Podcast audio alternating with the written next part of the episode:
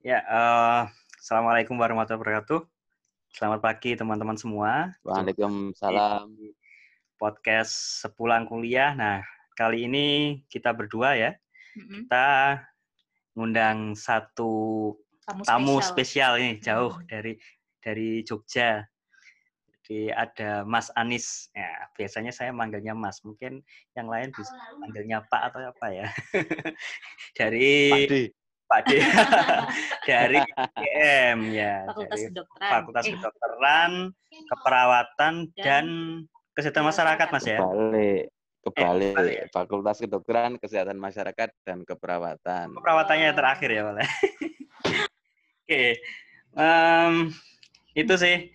Uh, terus nanti kita ngobrol tentang apa, Ibu ya?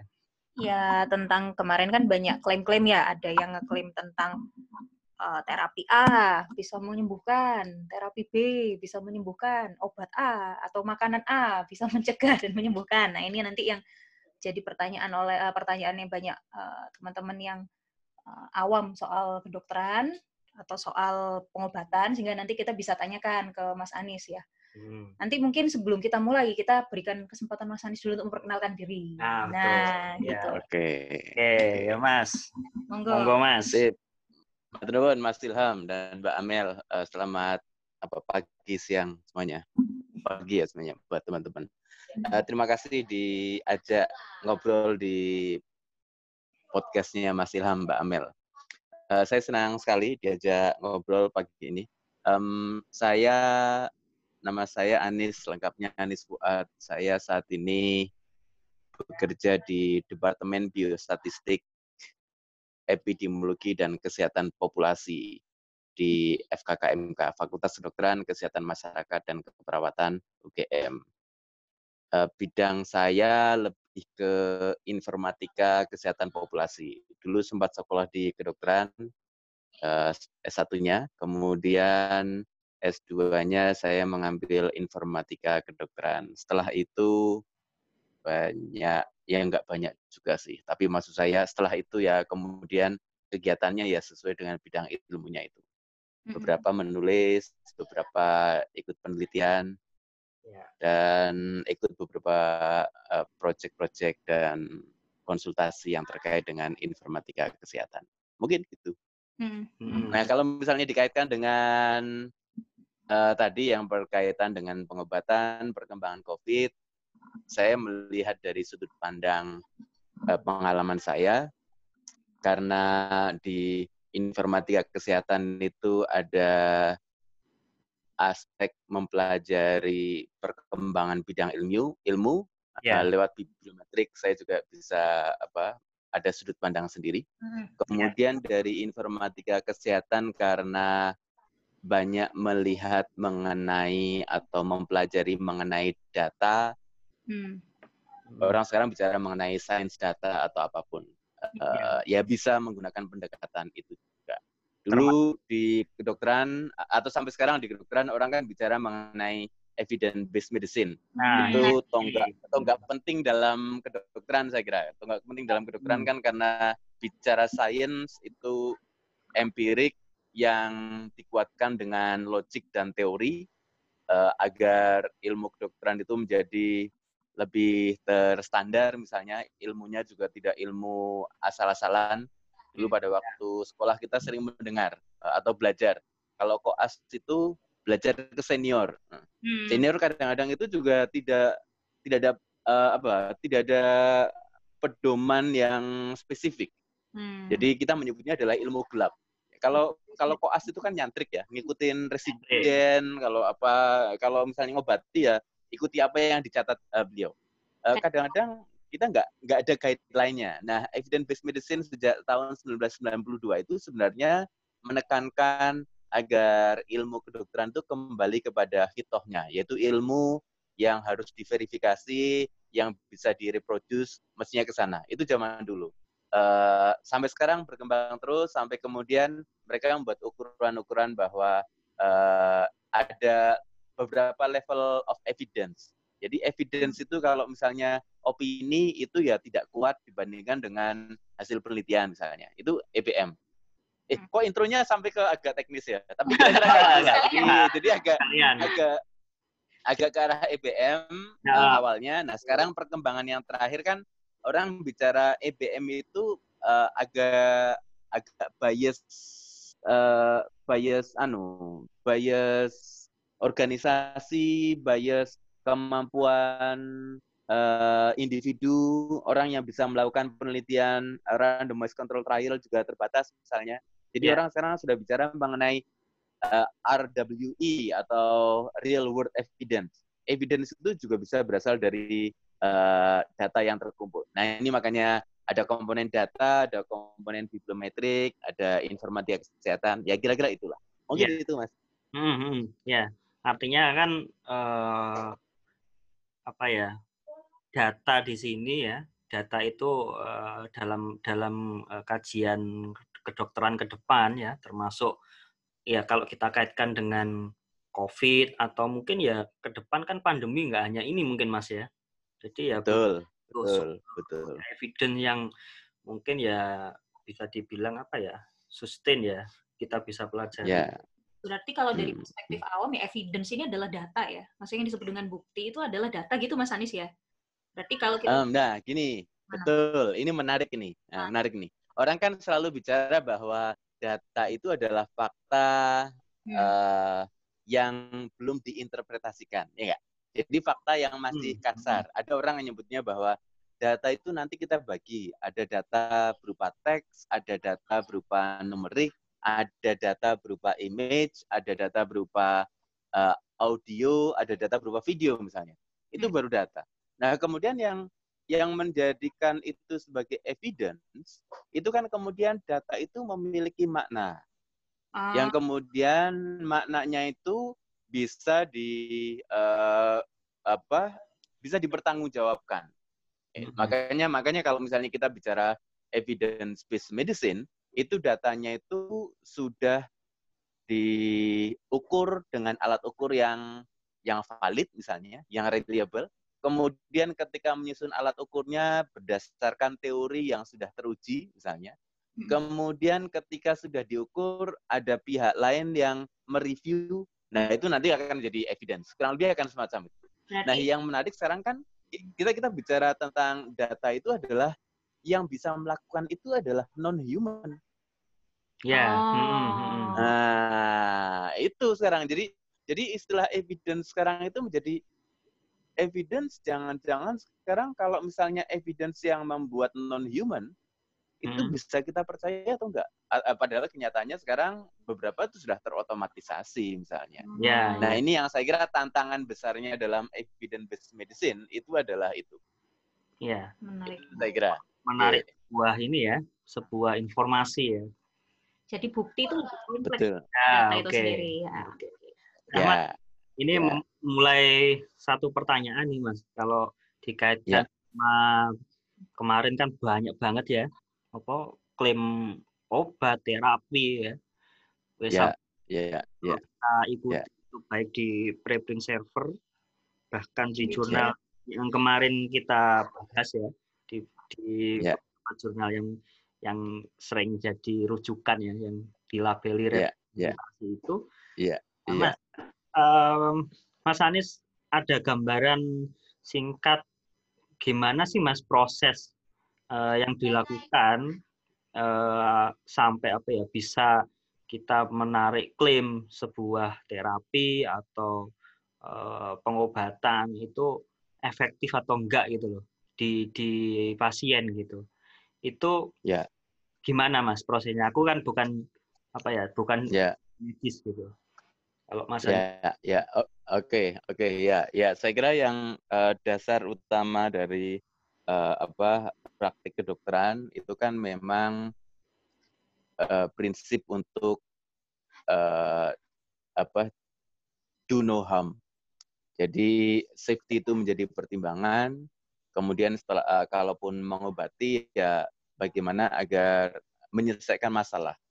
Nah, menyelesaikan masalahnya kita harus tahu situasinya. Jadi kalau di kedokteran kan kita mulai dari prinsip uh, melakukan anamnesis, kemudian mengobservasi pasien, melihat bukti-bukti yang lain, sampai menentukan diagnosis, baru kemudian terapi. Nah, permasalahan sekarang adalah ini orang mengatakan bahwa ini sesuatu yang baru. Coronavirus sudah lama, tapi coronavirus yang menyebabkan ini kan baru kemarin misalnya. Mm-hmm. Baru ditemukan kemarin. Jadi orang masih uh, berjuang uh, bahkan menentukan kriteria diagnosis ini juga berbeda juga, mohon maaf ya. Jadi ya. sebagai contoh, kalau misalnya kita mau mengatakan apakah kriteria diagnosis yang kita pakai untuk coronavirus atau COVID-19 di Indonesia itu kode ICD-10 atau International uh, uh, uh, Classification of Diagnosis yang ke-10 itu, apakah sama yang dipakai di BPJS untuk klaim dengan yang dipakai di WHO? Ternyata tidak. Yang dipakai oleh di Amerika ternyata tidak. Karena apa? Karena karena yang kita pakai itu misalnya kalau misalnya kita lihat runtutannya itu berdasarkan pada kelompok penyakit-penyakit yang disebabkan oleh corona misalnya. Nah, kemudian baru dimasukkan coronavirus. Nah, tetapi kalau yang di WHO dan di uh, Amerika misalnya, mereka sudah uh, sorry, yang di Amerika dan WHO itu berkaitan dengan penyakit-penyakit yang disebabkan oleh coronavirus. Tetapi kalau yang di Indonesia itu sumbernya adalah apakah ini pneumonia atau bukan. Jadi oh. jadi kriteria menentukannya saja itu juga agak beda. Ya? Itu yang pertama. Jadi jadi jadi ber, uh, ini orang menyebutnya bahwa cara mengklasifikasikannya saja sudah beda. Meskipun WHO sudah membuat rujukan untuk uh, kode ICD-nya itu seperti apa. Itu, itu yang satu. Nah, yang kedua, bahkan untuk uh, terapinya pun orang masih mencari-cari. Uh, sampai sekarang pun orang juga masih uh, melihat yang mana yang uh, lebih uh, efficacious uh, dibandingkan yang lain. Itu pun juga belum ada satu bukti yang paling sahih misalnya. Banyak publikasi keluar, tapi juga dengan uh, karakteristik yang berbeda-beda. Ada orang menyebutkan bahwa tingkat kematian dikaitkan dengan uh, komorbid misalnya. Hmm. Uh, berbagai macam penyakit yang lain itu misalnya. Tetapi juga ada yang mengatakan bahwa ini juga berkaitan dengan uh, apa aspek yang di luar komorbid misalnya ras misalnya. Jadi misalnya mengapa di Amerika misalnya tingkat kematian lebih tinggi pada uh, komunitas uh, berkulit hitam maupun kulit berwarna lain dibandingkan yang kulit putih misalnya. Itu yang hal semacam itu nanti akan sangat kontekstual ke satu uh, apa satu wilayah dengan wilayah lain. Kemudian juga yang yang menurut saya juga menjadi isu nanti akan lebih spesifik lagi. Mungkin yang mungkin akan lebih ke level molekuler lagi berkaitan dengan reseptor, uh, kemudian sejauh mana kemudian obat itu sangat efektif bisa diterima di reseptor dan lain-lain. Jadi jadi karena ini sesuatu yang baru, saya saya tidak um, apa tidak terlibat langsung dalam terapi misalnya. Tetapi paling tidak sekarang orang sebenarnya intinya itu berjuang karena meskipun klaim kematian itu tidak tinggi, tapi jumlah secara jumlah itu banyak. Iya, iya. Secara jumlah itu banyak. Nah, sehingga orang itu apa pun ya dikejar. Bahkan mungkin kalau misalnya kita melihat konteksnya Indonesia saja misalnya atau bahkan negara lain. Hmm. Orang yang sudah difoniskan kanker sekalipun misalnya, dia sudah uh, dokter mengatakan uh, harapan hidup tinggal sekian dia pasti akan berusaha, entah itu cari alternatif medicine atau apa pun, sampai yang kemudian orang akan mengatakan bahwa ada terapi paliatif. Eh, paliatif itu um, memfokuskan kepada quality of life-nya ketika dia sampai harus meninggal misalnya. Ya. Tapi ada yang yang tidak setuju juga dengan paliatif. Wah itu paliatif itu artinya kita menyerah. Nah, ini kan sebenarnya sisi sisi yang lain dari manusia. Manusia ingin berjuang, tidak akan menyerah segala macam. Tapi sebenarnya sisi hakiki kita adalah bahwa orang itu ya dari lahir sampai akhirnya meninggal dan itu ya sesuatu yang yang kita hadapi sehari-hari. Nah, ini yang uh, saya ingin uh, saya ingin mengajak untuk diskusi bahwa kita mestinya punya perspektif yang luas juga. Nah, sehingga kalau misalnya kita melihat uh, perkembangan saat ini ada macam-macam terapi yang diusulkan, uh, obat juga macam-macam. Kemudian bagaimana pentingnya menjaga apa status mental, psikologis itu menjadi penting atau kemudian uh, faktor pencegahan lain. Jadi saya uh, tetap melihat bahwa upaya preventif itu sebenarnya bagian paling penting ketika uh, kita tidak terhindar dari kesakitan. Bahkan ketika sudah terjangkit sakit sekalipun, itu tetap ada aspek preventifnya kita yang mungkin orang tidak akan langsung bicara mengenai obatnya.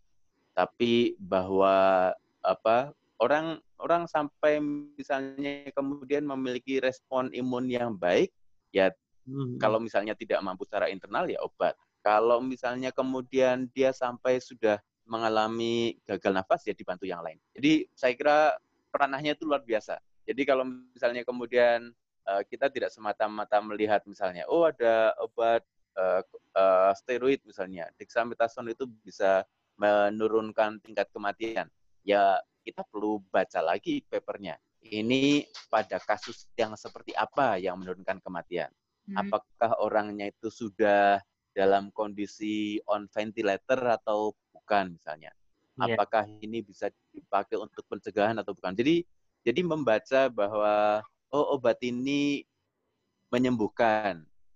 Ya kita kalau menggunakan prinsip evidence based medicine ya kemudian kita lihat dulu uh, isinya. Nah, sekarang kan yang menjadi kompleks kan kita modelnya itu senang baca judul di forward tapi nggak baca isinya. Nah, nah itu yang saya kira tantangan buat kita. Mungkin gitu, Mas. Iya, iya, iya.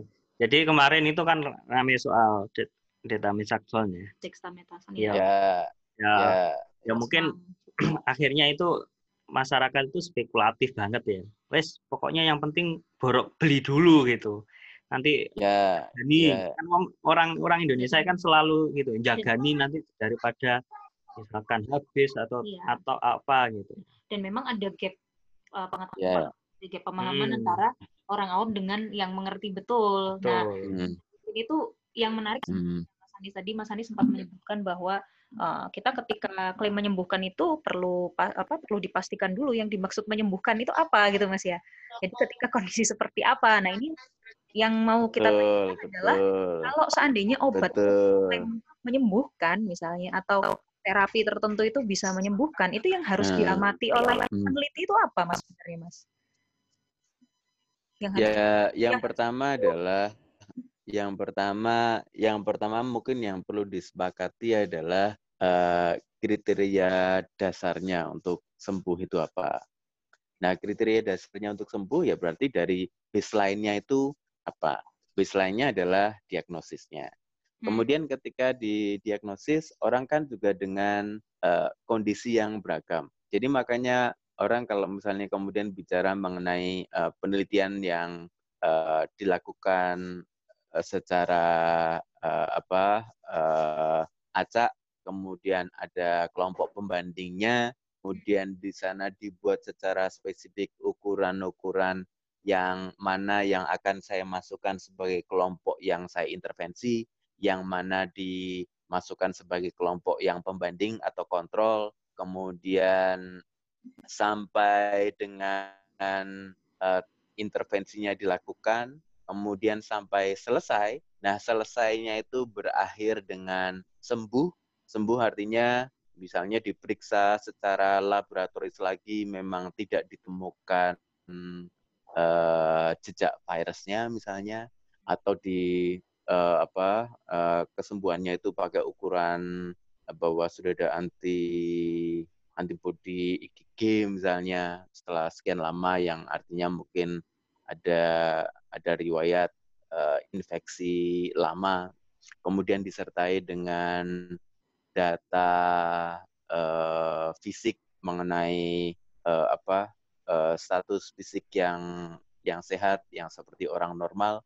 Nah, itu kan ukuran sembuhnya. Nah, di sisi yang lain ketika intervensi kan juga ada yang kemudian berakhir dengan misalnya meninggal. Kalau ukuran meninggal jelas gampang. Ya orangnya di di dia kan nah itu kan meninggal. Nah, tapi kemudian yang agak kompleks kan kalau misalnya ukuran-ukurannya adalah ukuran yang kemudian ada disability. Nah, misalnya disability itu misalnya kemudian fungsi parunya berkurang atau misalnya ada yang kemarin yang bilang bahwa um, uh, COVID juga menyebabkan kerusakan pada uh, organ pembuluh darah misalnya. Yeah. Nah, ukuran-ukuran ini yang kadang-kadang mungkin akan susah ditemukan ketika ukurannya hanya secara laboratoris. Dan itu mungkin baru ketemu sekitar misalnya tiga bulan, empat bulan, atau bahkan tahun depan. Nah, itu yang uh, itu yang butuh sesuatu yang lama karena pandemi masih berjalan. Hmm. Sehingga mungkin kalau misalnya kita melihat uh, dalam jangka waktu pendek, ya ukuran kesembuhan kita tidak bisa uh, menegasikan bahwa sembuh yang ada saat ini hanya secara laboratoris, tapi yang lain-lain mungkin belum terukur. Jadi bisa jadi suatu terapi memberikan kesembuhan, tapi sebenarnya dia berdampak pada aspek yang lain. Bisa jadi karena itu mungkin uh, unintended consequences yang mungkin baru ketemu ketika uh, serangkaian riset itu berjalan. Makanya ada orang yang uh, terutama teman-teman farmakoepidemiologi, mereka kemudian juga be, apa, berfokus pada meli, uh, untuk melihat dampak atau efek samping obat dan efek samping obat mungkin ada yang jalannya atau efeknya itu singkat, medium atau jangka panjang. Dan itu bisa mengubah juga kalau jangka panjang karena jangka panjang itu berkaitan dengan kemungkinan munculnya ada uh, ada apa penyakit-penyakit lain yang yang mungkin muncul setelah terapi jangka hmm. panjang. Sekarang kan yang menarik misalnya um, meskipun WHO itu menurunkan kebijakan yang terbaru bahwa kesembuhan itu tidak tidak hanya berkaitan dengan ukuran laboratoris, kalau misalnya kondisi fisiknya bagus, hasil cek ternyata masih positif, tapi ukuran-ukuran lain yang negatif, mungkin WHO akan mengatakan, mungkin bisa mengatakan bahwa orang itu sembuh, misalnya. Daripada nunggu labnya sampai lama sampai negatif, diobatin terus, kasih steroid terus, ternyata setelah uh, oke okay, hasil labnya negatif, tahu-tahu ada efek samping di ginjal. Efek sampingnya nah, ya. itu kan jadi, nah itu itu yang menurut saya masih banyak yang gelap lah.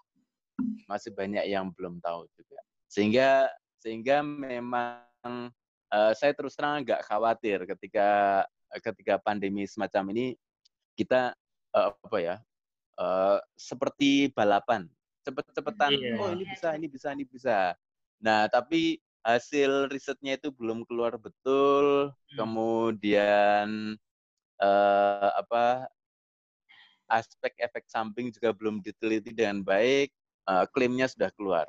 Ada yang bilang, kemarin saya baca ada yang bilang mengatakan demikian bahwa ketika orang itu pada apa cepet-cepetan banter-banteran misalnya gitu, hmm. itu salah satu saran yang baik juga please slow down. Nah, itu juga baik. Karena tahu-tahu kalau banter-banteran itu malah tabrakan loh. Nah, jadi iya, misalnya iya, yuk alon-alon, itu juga termasuk itu termasuk saran yang menurut saya juga baik juga. Jangan kemudian kita kejar-kejaran, oh kita punya inovasi, Wah, semuanya ya. rebutan inovasi, lupa efek. Tapi iya, esensinya mas, penelitian dan yang lain-lain masih prematur mas ya untuk di untuk di betul, betul, ya, apalagi betul, betul, betul. Uh, publik awam ya.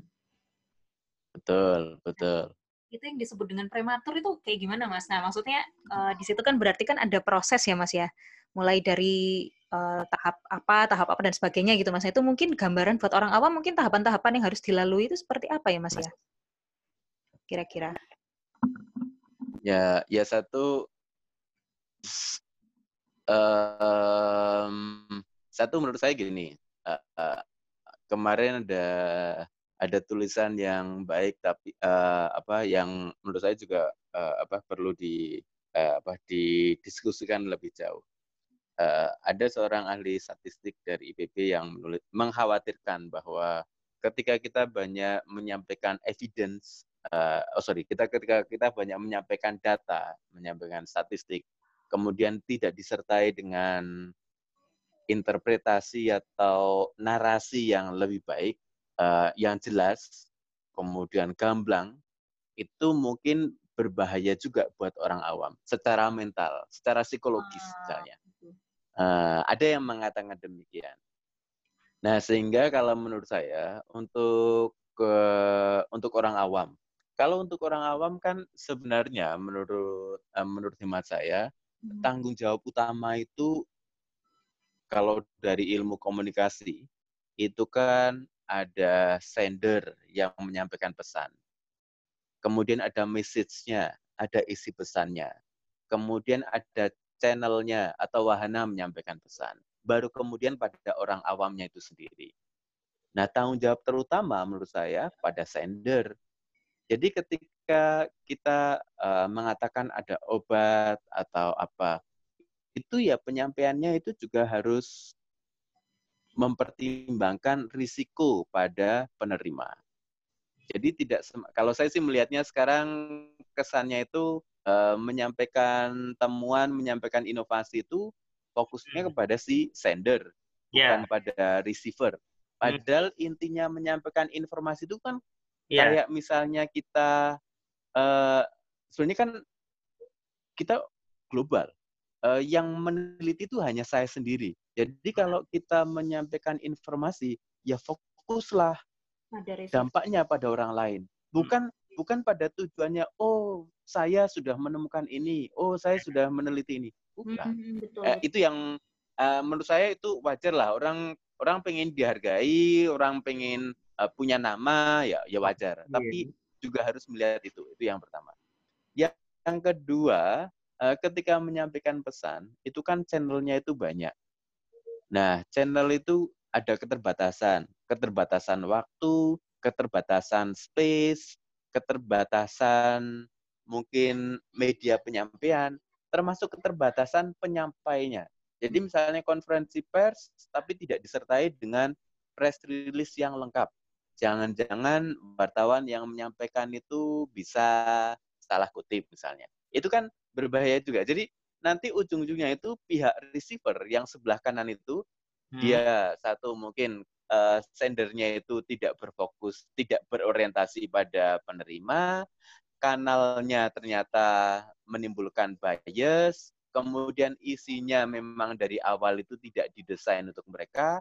Nah, yang di ujung yang paling akhir, mereka sendiri memang literasinya terbatas. Ya hmm. sudah, ini yang menurut saya itu menjadi badainya itu di situ. Orang-orang orang bicara sekarang um, uh, apa COVID itu tanda utamanya itu adalah ada ada badai sitokin. Nah ini menurut saya adalah badai informasi yang kemudian bisa menyebabkan banyak ham yang terjadi di situ. Hmm. Jadi um, mungkin menurut saya, uh, saya kira kan uh, ada dua hal. Tadi pertanyaan Mbak Mbak Mbak Amel tuh baik uh, penting sekali uh, dari sisi literasinya masyarakat.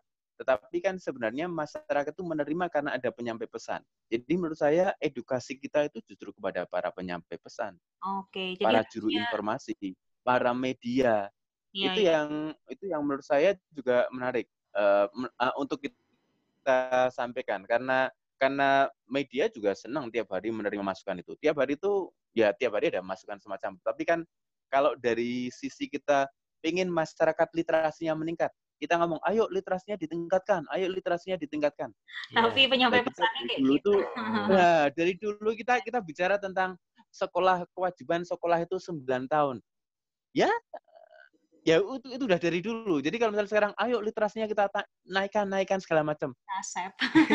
udah Nah itu maksud saya. Jadi mungkin kita kalau saya uh, mungkin menjadi penting itu kita lebih ke hulu lagi. Jangan-jangan um, uh, apa uh, praktek kita berkomunikasi itu yang mungkin tidak berfokus kepada mereka. Berarti... Jadi kesannya kalau uh, jadi kalau saya kan juga uh, apa concern ke literasi ya. Okay. Uh, Oke okay, literasi ditingkatkan segala macam. Tapi saya kadang melihat bahwa mereka itu sebenarnya mereka termasuk kita atau anak kita keluarga kita itu kan juga bagian dari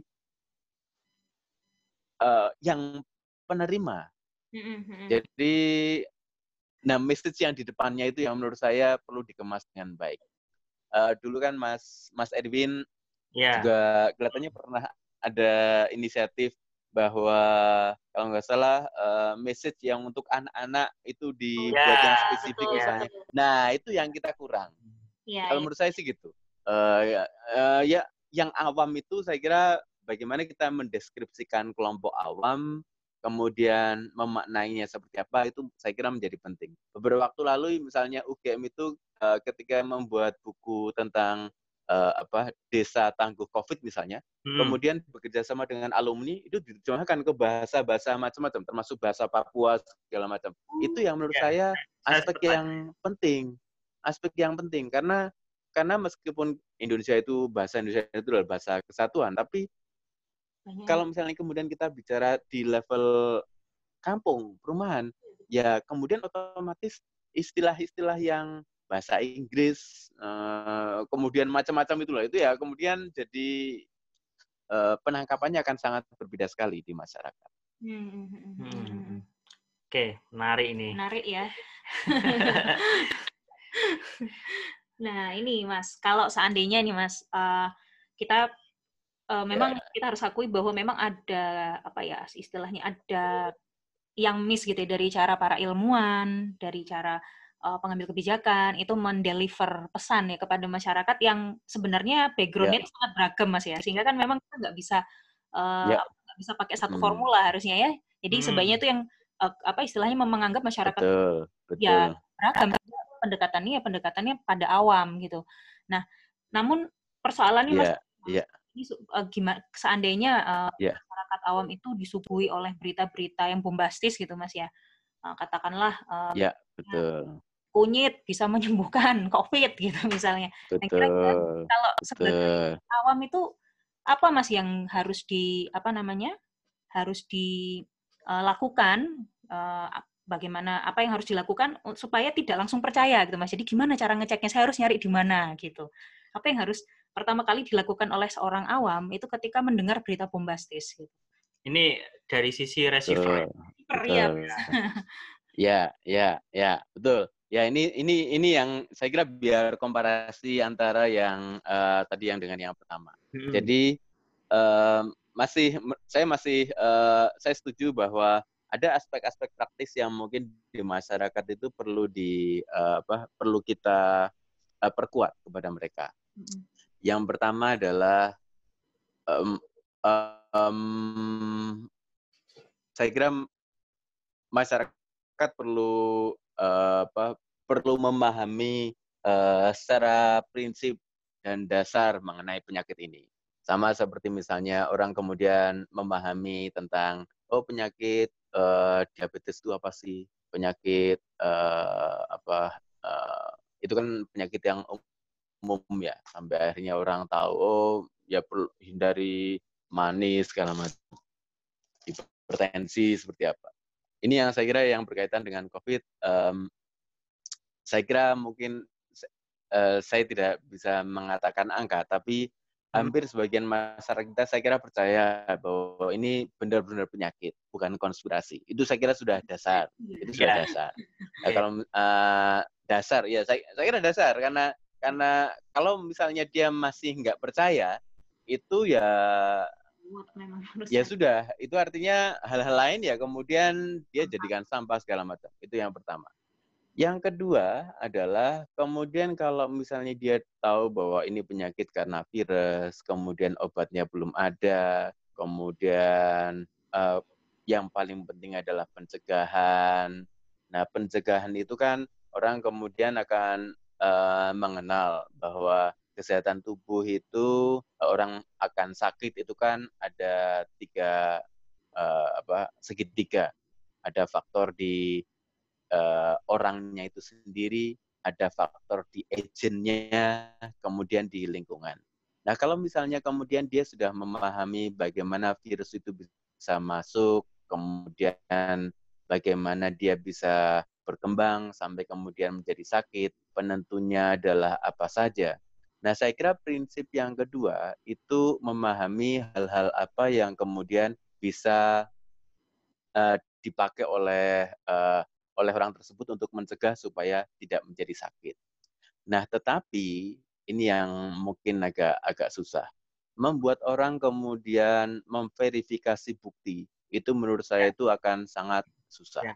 Ya. Jadi artinya gini, saya saya tetap mengatakan bahwa uh, kalau misalnya kemudian meminta masyarakat itu untuk uh, apa uh, meneliti bukti tersebut, wong para peneliti saja sekarang juga masih bingung dengan bukti. Yeah. Artinya kan bukti satu dengan bukti yang lain kita dipeliti terakhir misalnya uh, ada uh, ini lebih berkaitan dengan bagaimana menyampaikan fakta bahwa uh, face mask itu bisa melindungi atau tidak. Tapi kan kalau dipeliti itu bicaranya seberapa jauh melindungi. Nah, itu saja sudah ada gerakan untuk retraksi paper misalnya. Jadi jadi kalau misalnya kemudian akan hanya berdasarkan informasi awam, kemudian meminta mereka memverifikasi, kok menurut saya uh, akan berat hmm. jika itu di, uh, dilepaskan tanggung jawabnya kepada mereka. Tetapi yang mungkin yang perlu kita dorong kepada mereka adalah bagaimana agar mereka bisa menyuarakan itu. Nah, menyuarakan itu kepada siapa? Kepada orang-orang yang semestinya lebih tahu. Um, kita kan dari dulu pernah me, apa pemerintah misalnya mengenal Germas misalnya, gerakan masyarakat hidup sehat. Masyarakat juga mengenalkan ada uh, meskipun di tingkat bawah itu posyandu itu lebih uh, ukurannya uh, untuk kesehatan ibu dan anak. Tapi kan kader adalah orang yang berinteraksi dengan puskesmas atau tenaga kesehatan. Mestinya mereka memiliki literasi yang lebih baik. Kemudian juga ada tenaga kesehatan. Nah, ini yang saya kira kalau misalnya kemudian kita melihat di cari sendiri di internet, kita susah mengatakan, oh ini benar atau salah, karena informasi yang tersedia di internet itu sangat beragam. Mungkin ber, berkonsultasi kepada orang yang berlatar belakang atau berprofesi kesehatan menjadi baik. Ini yang menurut saya loh ya. Ini yang artinya secara teknis. Karena kalau misalnya untuk verifikasi satu persatu, kelihatannya akan berat juga, kasihan. Nah, kemudian yang ketiga, pemerintah kan juga mengatakan kita punya uh, call center misalnya. Eh, BBJS ada call center, Kemenkes ada call center. Beberapa daerah mereka juga ada call center corona segala macam. Nah, sekarang menurut saya adalah mungkin kita kembalikan kepada mereka. Apakah ini sudah dipakai? Apakah mereka tahu bahwa mereka bisa berkonsul ke sana? atau kemudian ketika mereka menerima informasi tersebut mendorong masyarakat itu juga kemudian uh, apa memiliki uh, kepercayaan diri yang lebih baik untuk menanyakan kepada si pengirim. Tetapi ini berisiko sih menurut saya karena uh, apa uh, kayak semacam komunikasi uh, langsung apalagi sosial media menanyakan bukti, nanti ujung-ujungnya bisa uh, gelutan gitu. Nah, jadi menurut saya lebih baik cari pihak ketiga. Okay. Nah, cari pihak ketiga, cari ke call center, cari ke orang kesehatan atau apa. Itu menurut saya langkah yang paling baik. Nah, so, karena apa? Karena bukti-bukti itu terus beragam. Nah, tantangan berikutnya itu pada kelompok-kelompok ini. Misalnya, contohnya gini. Sekarang ada temuan baru mengenai apa? Nah, orang awam yang kita maksud adalah orang-orang yang highly literate, dia itu terkondak informasi dari Al Jazeera segala macam, begitu dapat dia telepon call centernya BPJS. Nah, yang menerima itu petugasnya ternyata belum tahu. Wah, ini cilok ini yang menurut saya ya kan kan kita menyebutkan orang awam adalah bukan orang berlatar belakang kesehatan. Tapi yeah. mereka orang awam kita termasuk orang awam yang sangat highly literate, uh, highly literate untuk yang lain, bukan kesehatan loh ya, bukan kontennya, tapi dia sangat cepat terpapar informasi. Hmm. Ketika nanya ke sini, dokternya juga belum tahu. Nah, ini yang saya kira memang perlu skill yang baik pada tenaga kesehatan. Jadi banyak ya ternyata. Ya, ada-ada sempat ada, ya ada-ada sempat ada yang cuk mengatakan demikian. Um, uh, kalau anda sudah tahu banyak mengenai penyakit dari Google, uh, percayalah bahwa saya adalah orang yang uh, memiliki sertifikat atau profesi di tenaga kesehatan, uh, profesi apa pun kesehatan. Jadi jadi kan memang dua hal yang berbeda. Google atau data menyampaikan fakta-fakta yang baru, kita sertifikat itu kemarin-kemarin. Tapi bahwa intinya orang itu memiliki dasar ilmu pengetahuan ya jelas sudah jelas. Hanya masalah kebaruannya dia kurang. Nah ini yang saya kira menurut saya akan tetap selalu menarik dan uh, dua hal ini yang saya kira perlu dikombinasikan antara sisi masyarakat dan ya. sisi uh, komunitas sains. Hmm. Ya, Uh. Mungkin saya nggak bisa menjawab uh, pertanyaan luar biasa dari Mbak Amel, tapi tapi itu sih maksud saya ini yeah, ya, sesuatu yeah, yang perlu diperjuangkan. Ini pertanyaan banyak orang mas sebenarnya mas. Iya. Oke. Okay. Betul. Okay, nanti saya saya setuju. Saya setuju dengan Mbak Mbak Amel. Misalnya gini loh ya. Saya saya termasuk ke um, waktu awal-awal ada COVID itu um, uh, kan Kemenkes tuh uh, kalau ada gejala batuk sekarang telepon 119 kalau nggak salah itu. Yeah. Saya coba telepon beberapa kali. Dan dilalah kok petugasnya juga tidak bisa memberikan jawaban yang memuaskan. Jadi hmm. jawabannya, oh kalau ini langsung aja ke fasilitas kesehatan setempat. Loh, gitu. Hmm, telepon ini maksud saya kan sudah ya misalnya saya sebagai orang awam ya hmm. ketika telepon itu sesuatu yang saya dapatkan uh, jawabannya sangat singkat oh kalau bapak keluarnya ini langsung aja ke fasilitas kesehatan setempat. Uh, saya kebetulan nggak ngecek lagi. Coba kalau ngecek berikutnya itu waktu pas sudah zamannya ketika apa uh, ketika tidak urgent nggak usah ke fasilitas kesehatan. Tanya lagi malah bingung petugasnya. Loh katanya ke mana kalau nggak urgent nggak usah ke fasilitas kesehatan. Nah ini ini nggak urgent juga. Nah, ya. Nah, artinya artinya yang semacam semacam itu yang menurut saya uh, sekarang uh, kita susah mengatakan benar atau salah. Iya. science ya ada data, ada teori, ada yang digabung menjadi evidence, kemudian diramu, dicernakan. Hmm, jadi ya ini pembelajaran luar biasa sih menurut saya. Iya mas, hmm, betul. Oke, mas nggak kerasa nih kita wes yes. uh, ngobrol ini sudah hampir 50 menit. Oh, betul. Sip banget ya. Waduh, mohon maaf aku. Loh, nggak apa-apa. Kita dapat banyak sekali ilmu. Ya, kita dapat juga. banyak sekali ini nih, banyak sekali insight ya, apa ilmu baru lah pagi hari ini. Nanti kita sambung lagi ya, apa Yes. Untuk topik beberapa hal tadi ada beberapa catatan ya. Ya, catatannya ternyata uh, nggak cuman hanya masyarakat awam yang punya tanggung jawab untuk hmm. apa namanya mendidik uh, istilahnya mendidik dirinya, tapi yeah. juga sebenarnya tanggung jawab itu sebagian besar harusnya pada, yeah. pengirim pada informasi pengirim ya. Informasi, yeah. gitu. Jadi Tadi, masyarakat sekarang kondisinya itu juga. Iyalah kalau kalau kalau saya melihatnya gitu, Mbak. Kalau saya hmm. melihatnya gitu karena in, uh, ya karena produk itu dari kita. Nah kita yang bagaimana mendelivernya itu yang menurut saya menjadi penting. Betul. Ketika sekarang banyak produk ya. makanan segala macam itu makanan menjadi lebih mudah disantap ya karena faktor chefnya.